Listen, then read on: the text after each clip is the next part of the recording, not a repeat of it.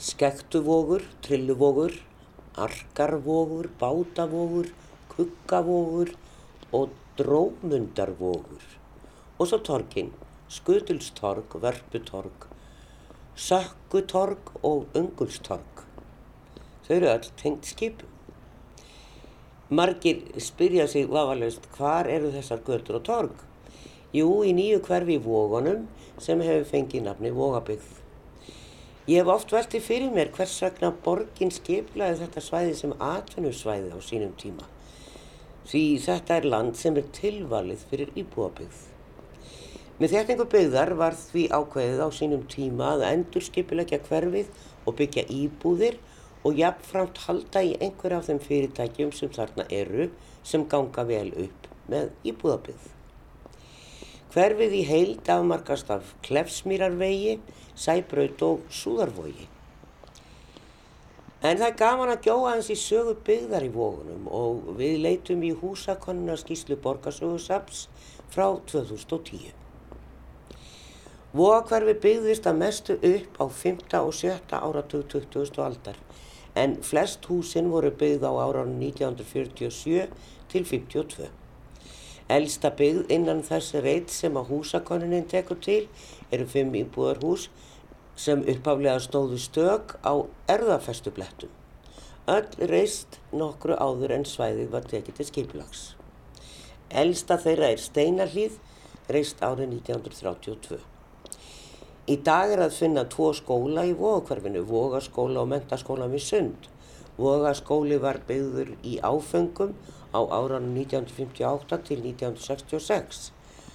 En árið 1974 seldi Reykjavíkuborg hlut af skólahúsunum Íslenska ríkinu og er Mentaskóli við Sund til húsa í þeim hluta. Vógakvarfi samastendur af heilstæðri byggð, stakstæðra húsa og af samstæðum húsa eða raðhúsum. Húsin eru flest einföld timpur og steinsteipuhús en einkenni þeirra er að þau eru lítil og láreist, látlaus og einfæld af frákongi og fyrirkomulagi. Yfirleitt eru þau einlift eða voru það uppaflega, ímis með lág risi eða nýtanlegri risæð og standa á lágum steinkjallara. Þau eru flest með steinsteftum trappum að ingangi í stað ingönguskúrs. Eitt helsta enginni byggðarann er vóakverfi eru sænsku timburhúsin svo kalluðu sem risu við gödurnar Langholtsveg, Nakvavóg og Karvavóg á áránum eftir setni heimsturjöld. Þau eru yfirleitt einlift með risi og á steinstiftum kjallara, sum hver eru með kvisti og flest eru þau klætt með timbri eða bárjáðni á veggjum. En hverfum frá fyrir tíð og höldum inn í samtíman í þættinum í dag er rætt við Elias Guðmundsson, verktaka og eiganda sérverks og Ólufi Örvarsdóttur, sviðstjóra umhverfis og skipulagsviðsborgarinnar en bregðum okkur fyrst í nýja vóabyggð í fyllt Sigriða Magnúsdóttur arkitekts sem er deiluskipulagshöfundu hverfisins og byrjum við nýreista byggingu sem arkitektar teknistofunar traðar hönnuðu en Sigriður er einmitt einn af arkitektunum.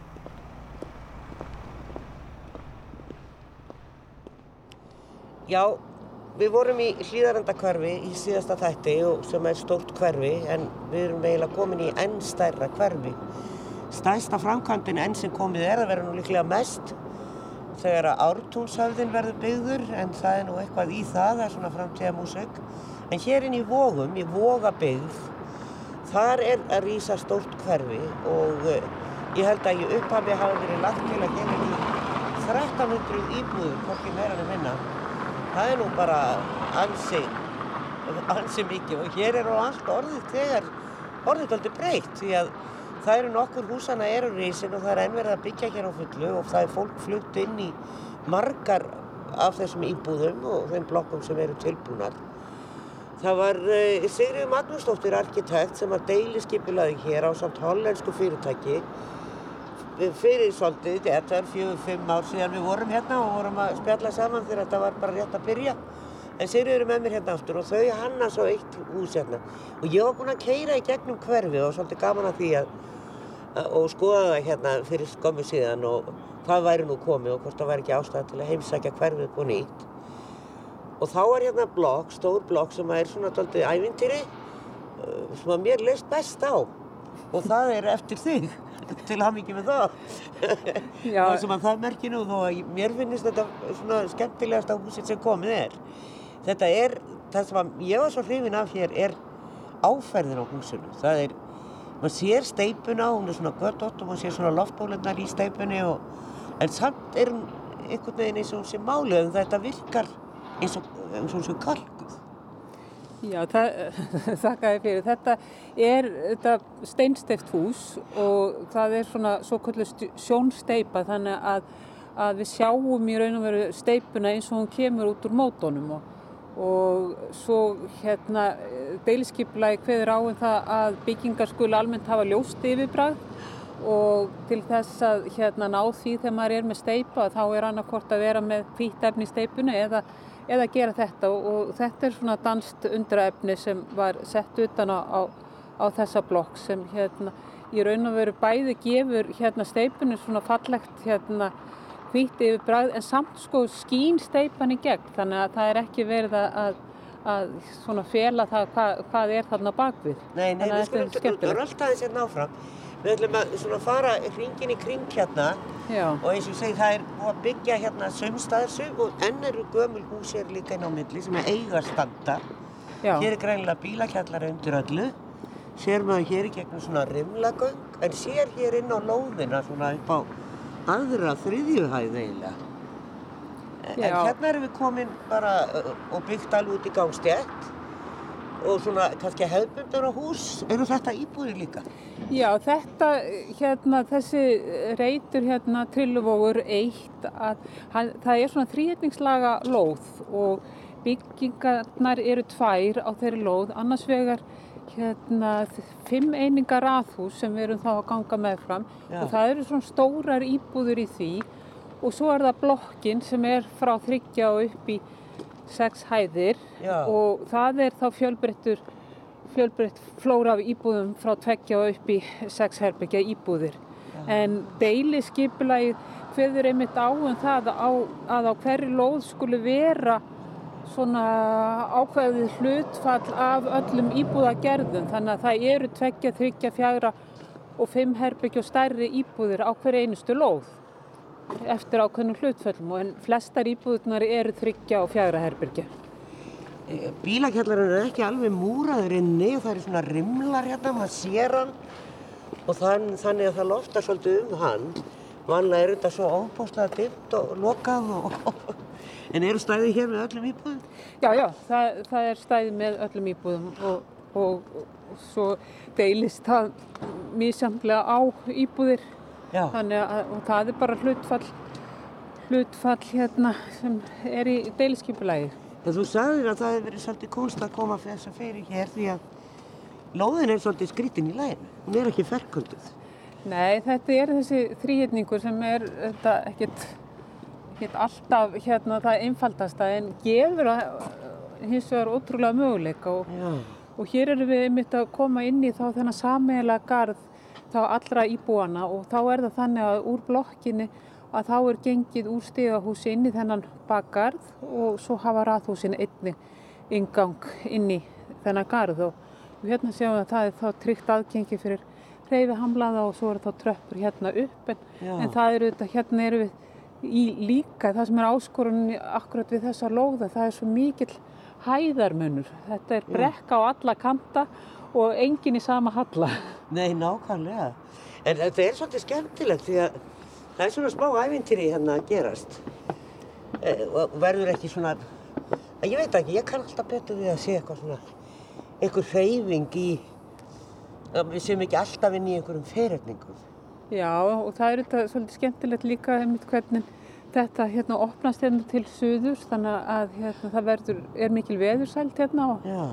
og gaman einmitt hvernig það glittir þarna í Súðavó 7 hérna verið endan á, á Sem þessu. er gamalt hús og er Já. búið í og líka einhverja skrifstofur og Já, eitthvað. og þetta er bara mun standa áfram sko. Já. já, já, Alveg heilt hús. já, já. Og hérna við snúum okkur við, af því að þetta er náttúrulega gamalt, sko, eiginlega yðnaðakverfi, getur við sagt að allavega atvinni svæði. Já, þetta er þetta, já, já.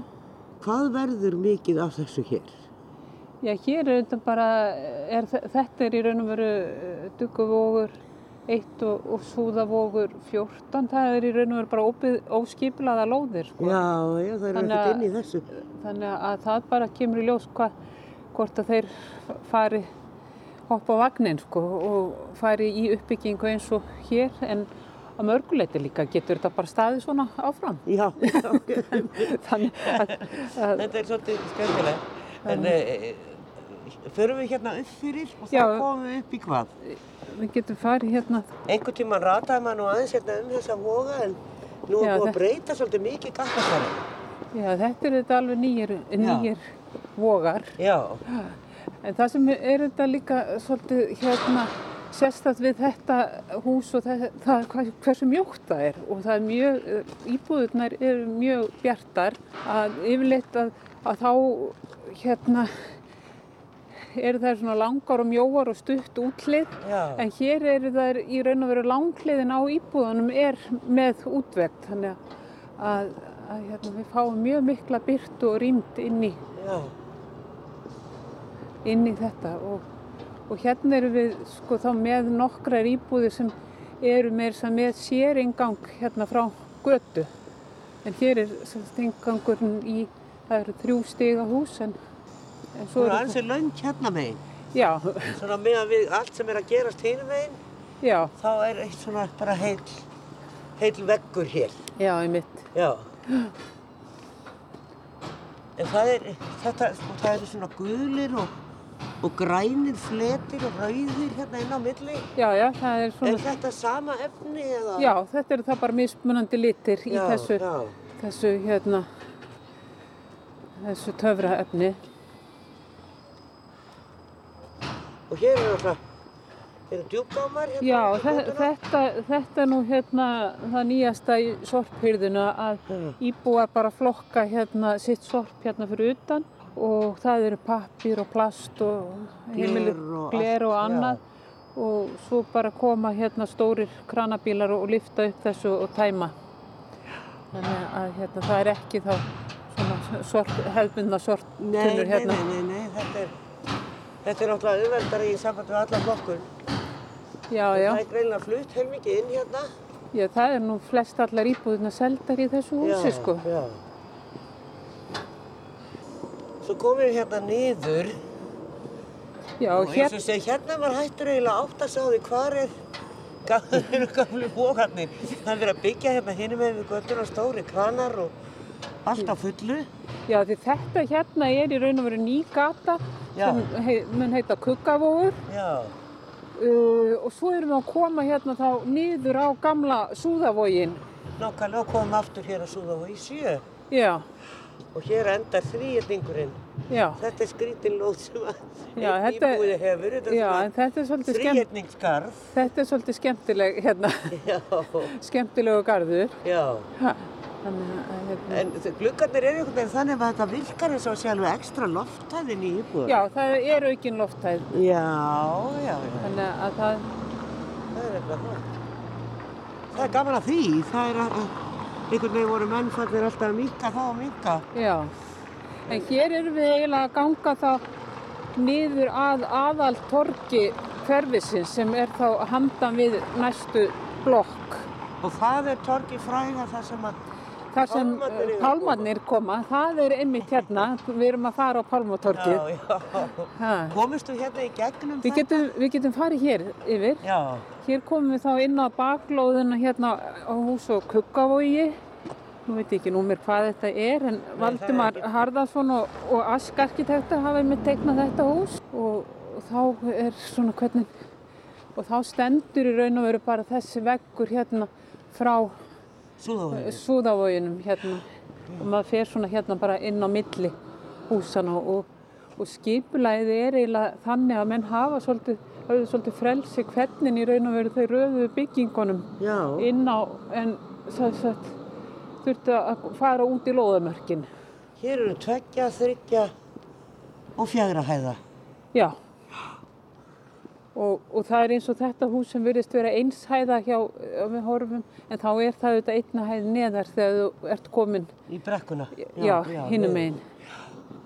Þannig ég- Mér skilst að sé farið að selja þessar íbúðir. Já, já, maður sér þetta auglist í blöðunum, þannig að hér skemmtilegt. og ske, Þetta er álklæðning utan á þessu húsi sem er svona Er þetta ekki? grá, drafnitu og hvítir á Já. milli og, Já, og eru svona algjöru litli ferningar. Ég hef ekki séð þetta aður. já, er þetta ekki einhverju flýsar? Er þetta flýsar? Er þetta ekki þessi blessaða álklæðning sem er á öllu þessa dagana? Jú, jú, þetta er, Álblötur. nei, nei, þetta eru flýsar. Þetta eru flýsar, já, já, já. Já, Svolítið skemmtilegt. já, Hér er greinlega bara verið að vinna með gangstéttina. já, hér undir er þá bílagemsla og svo er það með nokkur bílastæði hér upp á pallinum og svo kemur þá sammeðilegu gardur hérna á Já. milli, sko. Ég veit ekki, komast við hér Já, heldur? já, ef það er ekki lokað. já. Uh, sko, það er tröppur Það þarna. eru tröppur. Hér er verið að loks og að fullum að þvælast hér inn á byggingasvæði.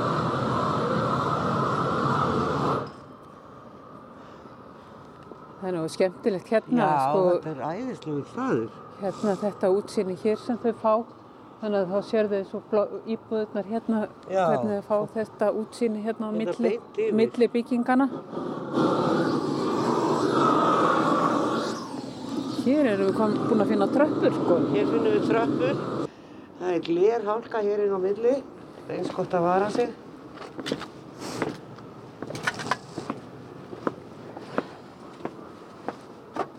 Hér komum við, já. Sko, erum við þá... Ég nú er maður að reyna að átta sig, sko.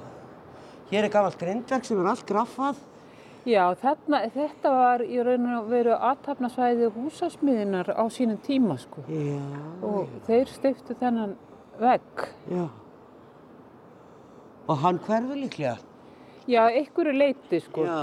Og hér er þá í raun og veru bara þá svona bara gata fyrir neðan. Já.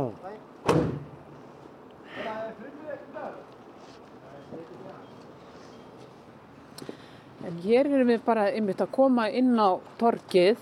Já, hér kæmum við þá inn á það fína torg sem Já, og þá er þetta hérna hugsað sem einhvers konar, þjónusturými. já, Auðvitað. þar sem getur þá verið með starfsemi út af torginu. En er, er þetta sko, núna lítur þetta út eins og þetta sé alveg gríðar stórt.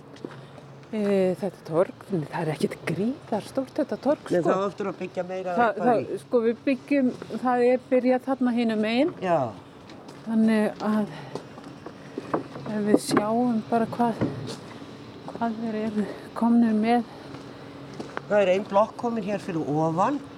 já, Hún er, eftir heitir hann ekki Kristján Ragnarsson? jú, hann, hann er með þessa blokk, Já, já, já, þarna sérðu móta fyrir hinum vegnum á torginu og þá er væntalega pálminn bara svona einhver staðar, já, voru það ekki tveir?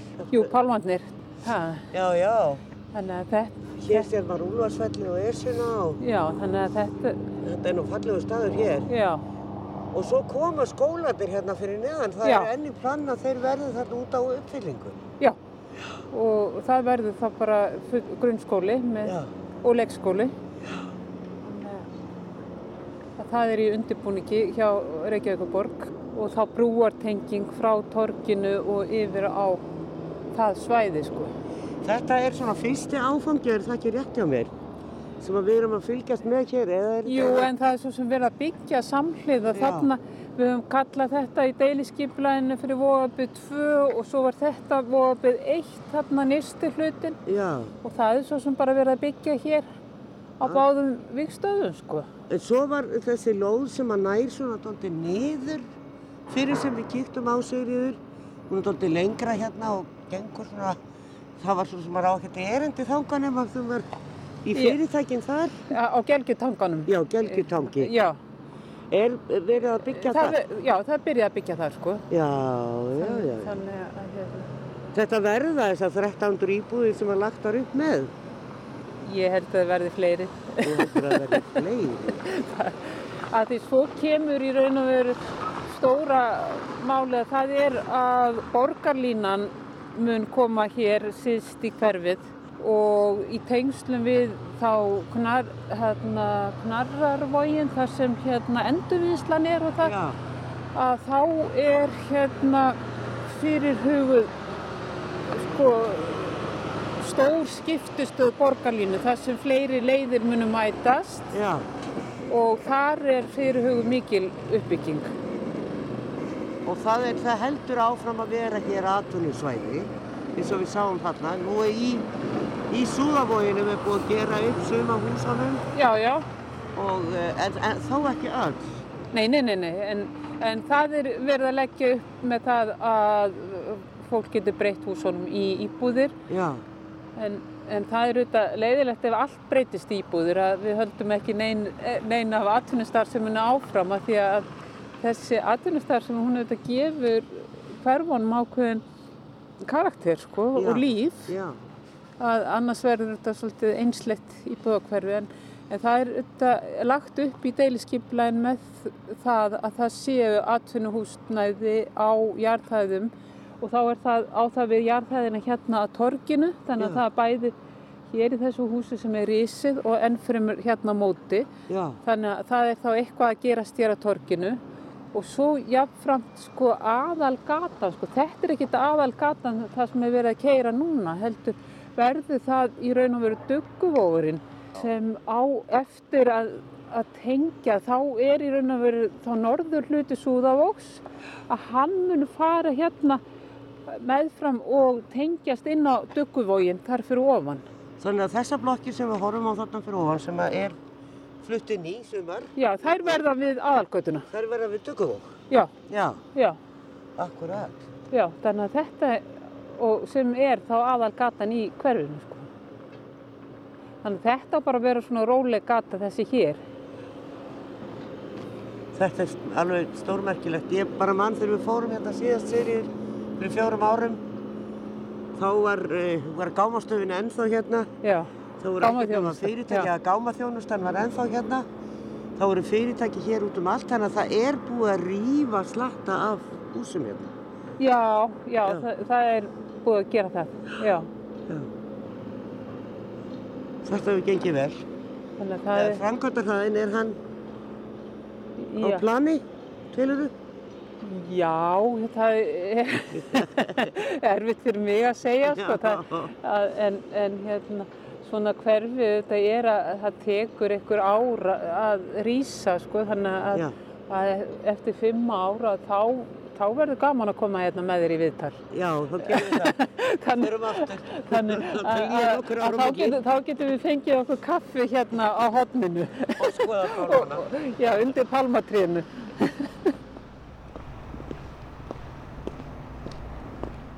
Sagði Sigriður Magnúsdóttir arkitekt hjá teiknustofinni Tröð og ég vona svo sannarlega að pálmatrén í glerinu byrtist á þessu torgi þegar framlýða stundir.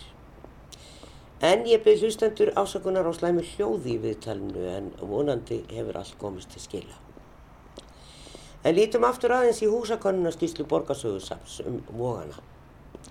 Ein af þeim húsagerðin sem engjandi mjög reikvísk íbúðakverfi eftir stríðsárana voru stakstæð sambýlishús á tveimur hæðum, oftar en ekki með auka íbúðum í kjallara og í reysi. Í mörgum tilvökum voru slík hús byggð í samverju fólks úr sömu fjölskyldu, starfsfélaga eða þá að sá sem byggði fjármagnaði eigið húsnæðar hluta með sölu annara íbúða í húsinu. Fyrir tíma húsnæðislánakerfis var bygging slikra húsa því hendug laust fyrir marga. Stakstæð sambýlishús af þessu tægi urðu fyrst algengi í Norðumýri og á Melónum og fáum árum síðar í Hlíðunum og Lauganeskverfi. Á sjötta áratugnum risu slík hús einnig í Laugalækjarkverfi og í Heimunum og svo við Gnóðavók. Í upphaflegi skipulagi var gert ráð fyrir að húsin eru tvílift en sökum þrýstings frá húsbyggjendum voru undan þáur veittar fyrir hækkun þaks og jarðæðar. Þannig að húsin urðu í flestum tilvikum eins konar fjagra hæða turnar. Við þetta riðluðs hlutföll og heildarmynd götunar varð ósamstæð og heldur lítið fyrir augað. Árið 1960 ritaði Hörður Ágústsson grein í tímariti Byrting þar sem hann gaggrindi þá sundurgerð sem að hans mati einkendi nýju hverfin í Reykjavík. Í myndataksta kallaði hann ósamstaða götuminn fjórliftra turnhúsa við Röðalæk hinn skörðáta hundskjaft eftir stríðsárana. Gæti svo lýsing einni átt við húsaröðuna sunnanvilt við Gróðavók. En snúum okkur aftur á samtímanum, þær byggingar sem eru að rýsa í Vógabygg eru af allt örum toga. En margir verktakar eru að byggja á svæðinu og einn af þeim er Elias Guðmundsson hjá Sérverki og við heimsækjum hans standuða fyrirtæki í Kópavóinu.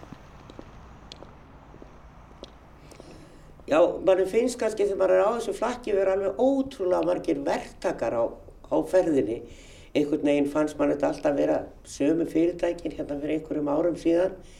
En það eru alveg ótrúlega margir á markanum, bæði stór og lítill. Sérverk er eitt af þessum kannski minni e, verktakafyrirtækjum sem að Elias Guðmundsson rekur og er að byggja eitt hús þarna, eða eina blokk þarna upp í e, Vóaböð sem við skoðum og ætlum að ræða eins um það, við erum konið heimsokk hérna upp í Tónakvarf heitir það í Kópavogi og eh, já, það, það hverfir eiginlega í þessu hverfi hérna. Maður ratar ekkert hér, maður er alveg upp í vestupennum þá er maður bara komin upp í fjöld en hér er glæsileg uh, vinnaðarstaði hér. Uh, þetta hús, þessi blokk sem þið eru að byggja hérna, sérverk sem er alveg að vera tilbúin og það er búið að byrja að selja íbúður í þessu húsi. Já, við erum búin að selja rúmlega helming. Já, það er nefnilega það, þetta er þetta bara rifið út? Já, það er búið að ganga bara mjög vel. Við erum já. allavega mjög sáttir bara við, við hvernig er þessi prósess hjá, hjá verktakur? Þú kemur, arkitektin er Valdimar Harðarsson hjá Ask Arkitektum, uh, fær hann þig til verksins eða hvernig fær þú hann til verksins? Ég, ég, ég, ég náttúrulega byrja bara á að, að fjárfyrst í lóðinni af, af hömlum sem var eftir runnhanna fyrirtæki á landsbókanum og ég framhaldi því ræði ég Valdimar Harðarsson og Ask Arkitekta til verksins og og við náttúrulega vorum, við hefum gefið tæft ára að komast öll í gegn með teknikum og öllu og svo var náttúrulega bara byrjað á fullu og, og búið að vera það síðan og hefur bara gengið svona sangvænt, þokkalega sangvænt áallum bara. Já, ár það er bara ágært, er það ekki svona bara...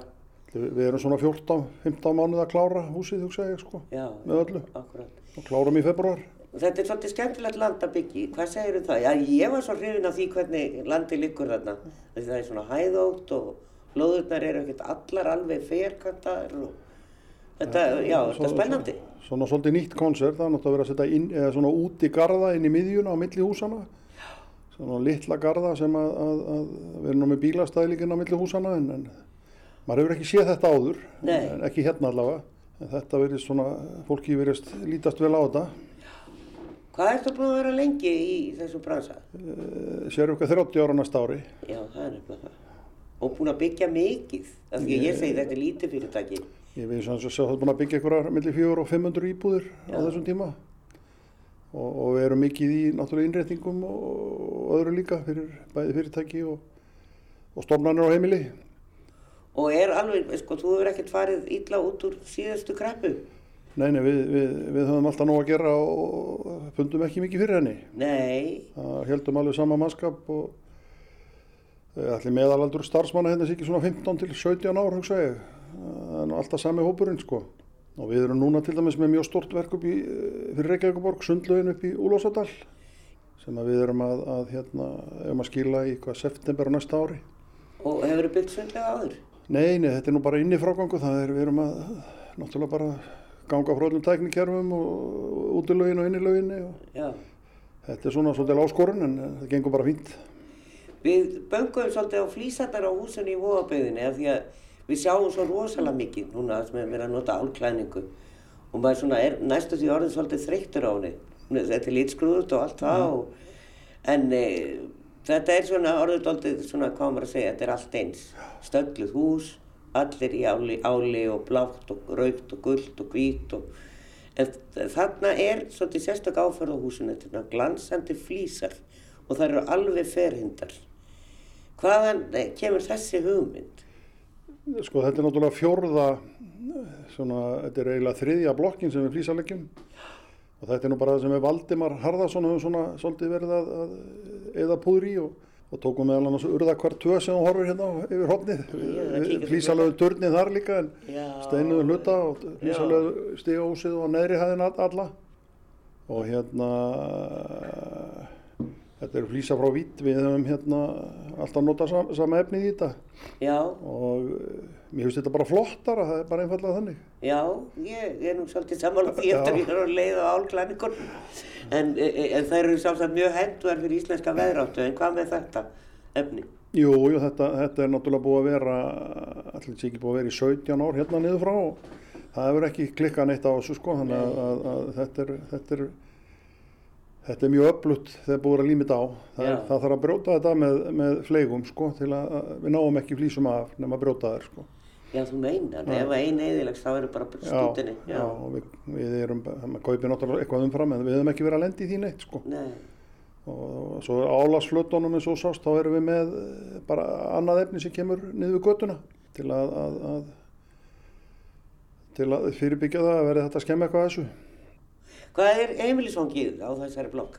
kukkuvógur drómundarvógur og kukkuvógur heitir þetta þetta er við torkið sem kemur þetta með bálmatránum Já, nákvæmlega. Þú- Ertu spenntu fyrir því? ég hef, hef nú ekki trúið því að það komi en, en við skulum nú sjá til Já, það verður skemmtilegt torgan og það Já. er einhver þjónusturými í húsinu. já, það eru 350 fermetrar sem eru ætlaðir í þjónustu Já, og hefur uh, einhver sýnt því á? já, já, það er búið að vera eitthvað að, að, að spurja um það Það, það er svo sem ekkert í hendi en, en það er búið að spurja mikið um það.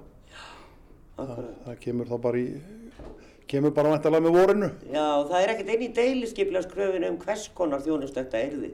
Nei, getur það er Já. eða... Nei, það, það er ekkert, það, þetta er bara svona eitthvað létt, léttur inn að það bara eða, eða eitthvað sem er svona létt og þægilegt sko. Það var náttúrulega verið eitthvað sem hendar fólkinu líka í, sem býr í húsinu. Það er náttúrulega, maður getur ekki sett hvað sem er inn sko. Nei, kannski ekki hægt að vera með játsmíði eða eitthvað Nei, þetta En það eru náttúrulega fullt af fyrirtækjum í hverfinu en þá verða. Hvernig finnst þér að vera að byggja innan um það? já, það, það er náttúrulega á eftir að rýfa svolítið mikið sem að, sem að eh, hefur svolítið dreigist en, en sér nú vonandi ég held að borgin sé nú að, að vakna við það að það er að flytja fullt af fólki þarna þannig að þeir þurfa að gera það sko Já, og ég held að næsta vor fari menn í frágangin í kringum þessi nýju húsöll sko við heyrist það á þeim sko já ég meina fólk er að koma þarna og maður svona sjá svolítið draslana en þá Já, við sum fyrirtækin. Og það er náttúrulega kannski eitthvað sem alveg, verður alveg banna þegar þetta er Þa, það, tilbúið. það, það hlýtur að vera Það er þess að slökka á þessu. já, En eh, já, líst þér á að byggja eitthvað fleira þarna á þessari, þessu landi? já við, erum, við, við erum svo sem ekki konum en að lóð þarna en, Nei. en ég reikna með að ef við næsta verkefni okkar í uppstöpu fyrir okkur sjálfa að vera svona nýri þverholti fyrir borgina nú vorum að, að fjárfyrst í lóð þar sem við vonandi verðum konir í svona í lok ás byrja Er einhver lóðið þegar allt eftir? Já, við kiftum þarna hús sem að, við ætlum að fjalla, kiftum gamla Gutenberg húsið sem að við förum í núna í framhald að þessu. Spennandi. Skilst þetta skemmtilegu brasi? Já, já, annars væri ég ekki múin að vera í honum í 35 ár. Sagði Elías Guðmundsson verktaki hjá Sérverki sem er greinlega nokkuð vel reiki fyrirtæki sem ekki hefur lendi vandraðum í þau 35 ár sem það hefur verið starfandi. Og enn lítum við til fortíðar en í áðurnemndir skýslu segir um erðafestu bletti. Árið 1918 var skipu nefnd til að íhuga framtíðarræktun bæjarlandsins og upp úr því var byrjað að framræsa og þurka upp í stórum stíl mýrlendið austan bæjarins. Í Laugadal, Kringlumýri, Fossvogi, Vassmýri, Sogamýri og einnig í landi Klepps. Á landsveðanu sem þurku voru reys á öðrum og þriði áratögnum fjöldi smábíla á svokvöldluðum erfðafestu blettum sem bærin útvísaði mönnum úr landinu. Útdeiling erfðafestu lóða úr landi Reykjavíkur hafði hafist árið 1859 er lóðum næst þjættbílinu í kvosinni var útlutað til rektunar en færðist svo að útjöðrum bæjarlandsins eftir því sem það stækkaði.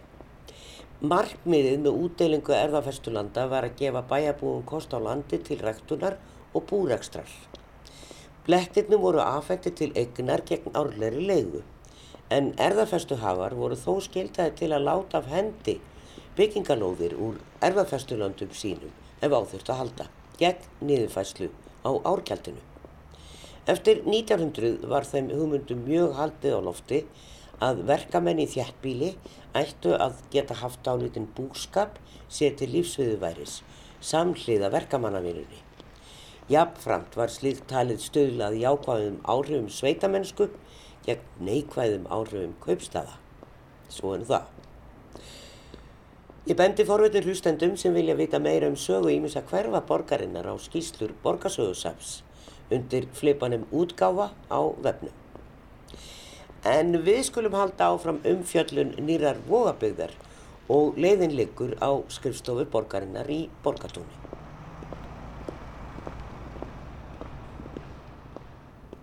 Já, það vakna alltaf spurningar þegar verður fjallum skipulag sem að snúa að borginni og það er svo sem marga að tala við, það eru margi sem koma hverju einasta skipulagi og það er ekki bara pólitíkusarnir, það er ekki bara arkitektarnir, það er náttúrulega því stóra batteri skipulagsvið borgarinnar og það er Ólaf Örvarsdóttir í fórstöðu og við erum komin hérna til hennar á borgarskrifstofunar. E, Vógabögðin, þetta er, er áöruglega eftir að verða alltaf skemmtilegt hverfi, finnst, trúi ég, bara af því hvernig landi liggur. Það er þarna e, tangar, gælgutangi, það er, er hæðótt og þarna er, þessi fylling úti þar sem er meiningin að byggja skóla með brú yfir. Þarna eru Klettaberg og annað þetta er, þetta er svona skemmtilegt landslag að fara inn í. Mm. og þarna eru atvinnufyrirtæki enn í rækstri og meiningin að halda þeim er það ekki rétt hjá mig, mörgum hverjum Jú, það er bara algjörlega planið að halda þeim sem geta verið þarna áfram og þurfi ekki eitthvað reysastórt aðtapnasvæði og eitthvað sem passa þá bara vel í blandaða byggð og við sjáum það alveg að það er fastegnir í þessum eldri húsum sem að er að fara á sölu, það er viðast á hækkaði verði og seljast hratt.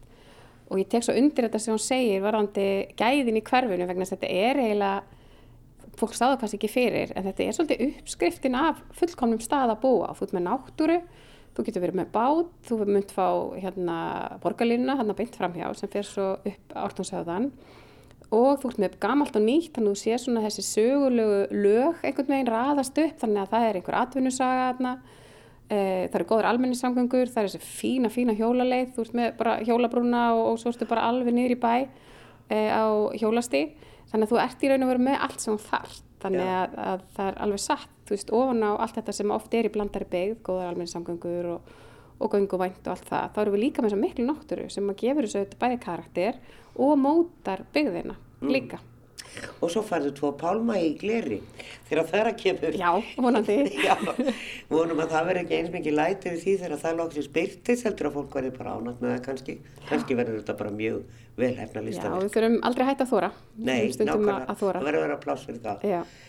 Nú, en það er kannski annað sem að fylgir því að, að vera að blanda svona beðina með aðverjum fyrirtækjum og það er þeir hafa alveg fengið þeir sem er að reka fyrirtæki þarna að drasta tólti vel. Mm -hmm og ég veit að þegar við komum hérna, ég og Sigurður eh, Magnúsdóttir arkitekt fyrir fjórum-fimm árum þegar það var verið að plana þetta og leggja upp og deiliskypulagið var eiginlega svona að koma að þá vorum við alveg aðdofa yfir drasslinu sem að margir hafði í kringum sín mhm. fyrirtæki og ég sá þetta svo sem líka í segniferð með mm -hmm. Sigurður mm -hmm.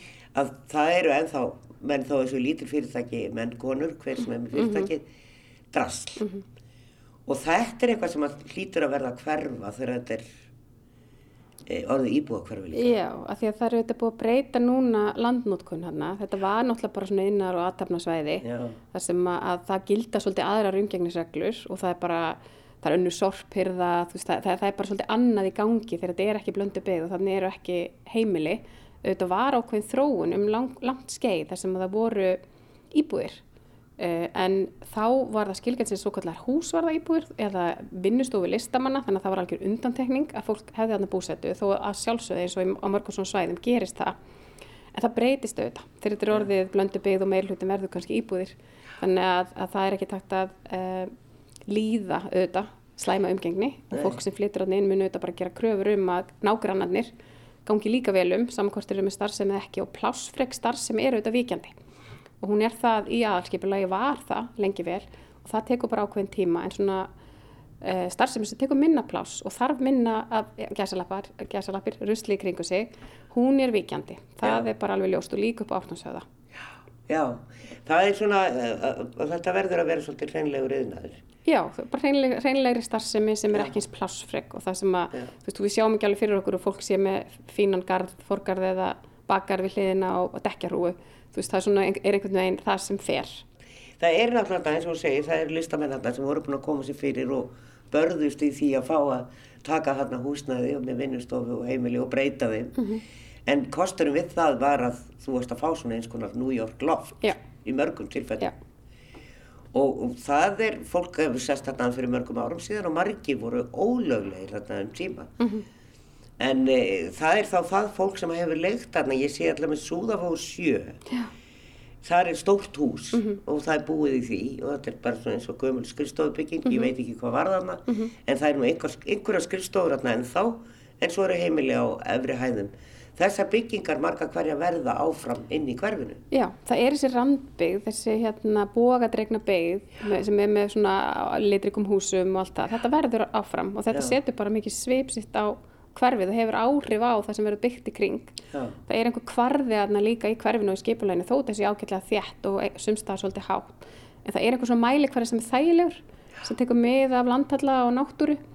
Þannig að ég held að það sé það sem gefið þessu hverfi líka bara ennþá meiri karakter. Það er að hafa svona áfram og maður sér það alveg endur speglast í nýjum arkitektur líka að þau gæði sem er í þessum húsum sem eru fyrir að arkitektar og hérna, ég hugsa íbúa kaupendur vilja ekki að þau haldi sér í nýjum húsnæði, nýju húsnæði bara eins og með lofthæð og öðru. Já, já. Gatnagerfið snar breytist þarna á meða við hvernig það var. Þetta voru beina göttur með þvergöttum fyrir utan þennan boga. Eh, en e, núna er þetta allt svona kræklótt var það, var svona svolítið upplagt upp með það af því að landið er svona, þetta er ekki flatt. Já, það er akkurat málið að það er í raun og veru allir innviðir, e, bara stafsending skólans, hvernig húsinu lögð í landi, þetta tekur alltaf, það, það voru eiginlega styrkleikar þessar tveggja e, tillagna sem að svo voru saminniðar e, í eina, í eitt skipulag á sínum tíma. Það var hvað e, þær voru lagaðar vel að landi og hvað bæði innviðir sem að koma þá þetta óhjákvæmilega og hús einhvern veginn takið með þessari stafsningu, þetta er einstakur staður og það er líka mikið veðursældarna. Já, Það er, ég held að sé einhvers í Eikjuvogi eða eitthvað sem er svona heitasta, eh, meðalheitasti í Reykjavík sem er nú ansið nála þarna bara hinn með við götuna. Þannig að það er mikið veðursvælt akkurat þarna, þannig að það getur verið blástur og, einhverjum tveimugráðum lægra annars það Reykjavík en akkurat þarna, þannig að það er svo miklu kostir í náttúrunni og eins í skipulaginu, skipulaginu gerð hérna ráð fyrir að strandlengja, hérna með fram sjónum, það verður svo gott útvistasvæði líka, við þekkjum það sem að bara úr ægisíðinu og fleiri stöðum í Reykjavík, hvað strandlengjan er svona mikilvægur strandpark bara eins og við Já. þekkjum frá Kaupmannhöfn Já. og annað þó þetta sé minna svæði þannig að þetta er svona einhvern veginn helst allt í hendur þarna. þetta verður skemmtilegt. Eh, hún, Sigriður talaði um fimm ár. Svona eftir fimm ár þá getum við komið aftur hérna og þá verður þetta tilbúið. Já, ég, um ég held að það sé bara raunhæft hjá henni Sigriði og mér hefur fundist e, vóabegi rísa hratt. Mm. Ég fer hérna mjög reglulega og ég er alltaf bara já, ok, þeir eru komin, já, þeir eru komin svona langt, þannig að mér, mér finnst þetta rísa nokkur hratt. E, og þarna verður góð blanda af e, ódýrara og dýrara húsnæði, e, fjölbreyttar húsagerðir líka, þannig að þá fáum við líka hérna, fjölbreyttar tegundir af fólki Já, öllum aldri, já. þannig að ég, mér finnst þetta hverfega mikla möguleika í að verða algjör negla. Þetta er, já, þetta er ekki eitthvað eitt stórt fjárfæstingafyrirtæki sem er að byggja allt þetta hverfi. Það voru nokkri aðilar sem eiga þarna lóðir, bæði prívat og, og, Mhm. og en gámaþjónustan, mér skilst að þeir hafi ekki enn eh, selt sitt land, Nei, nei. þannig að þar er ekkert byrjað. En þessir fjárfæstar sem koma inn og þessir verktakar sem koma inn, er þetta fjölbreyttur hópur, veistu það? Er þetta, Já, uh, þarna er það nokkuð fjölbreyttur hópur. Já. Þetta eru fjölmargir aðalar sem eru að byggja upp. Þannig að það hefur nú verið þannig, já, já. þarna.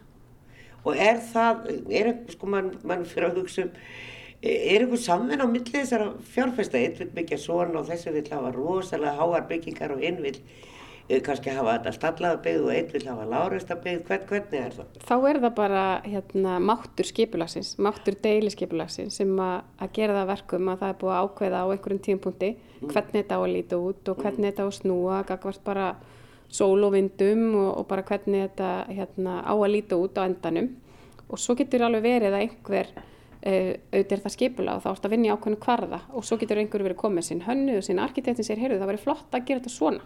Hérna þyrstu við pínu útskot eða fara aðeins niður hér og upp hér. Og þá komaðu til okkar og Já. þá er kannski deilisskipulagi breytt. Og það er alveg dæmi um það strax þar sem að hérna, það var leift að byggja svona ofan á langa bílskúrslengi og búið að gera það í deilskipulagi þar sem var hægt að setja svona einhverja smá íbúið með forgörðum sem gerði bara projekti meira spennandi. Það var Orri sem kom með þáttilugu Orri Steinars.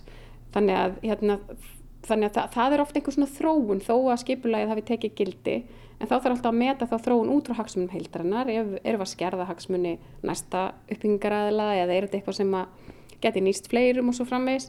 Þannig að það er svo sem ekkert óæðilegu díalóg. En skipulagið eru þetta ef þú ætlar að kaupa lóð eða bjóði lóð þá ertu komin deilskipulag og þá veistu hvað þú mátt byggja. E, þannig að það er alltaf útgangspunkturinn auðvitað. Við vitum að það ganga sögur um það í borginni að, að verktakar séu svo frekir að þeir komi öllu í gegn þegar þeir vilja og, og, og sem sagt að það sé yfirvöld í borginni séu allt og linn að segja bara nei þe- þetta er deiliskeipulagið.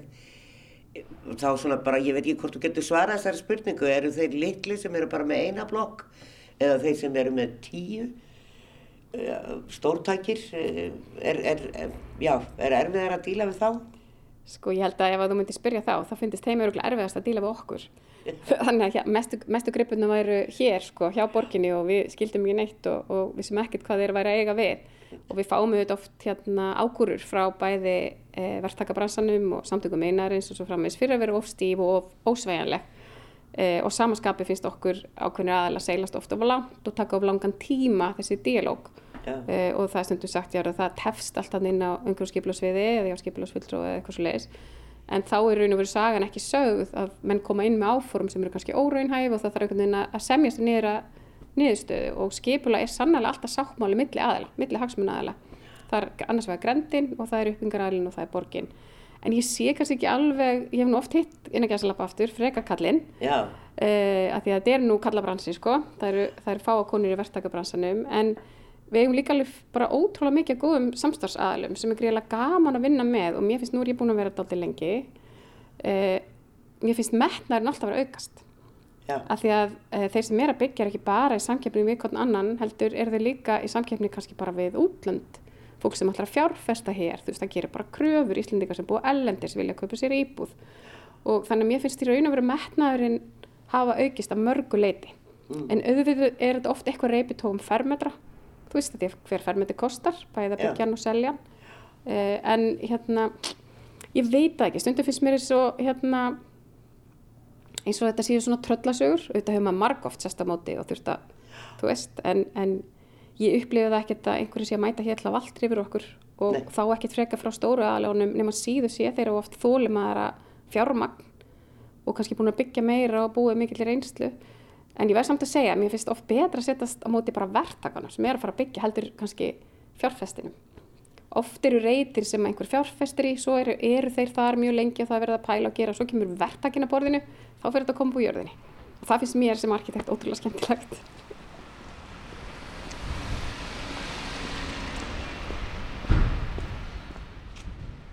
Sagði Ólöf Örvarsdóttir arkitekt og sviðstjóri umhverfis og skipulagsviðs borgarinnar.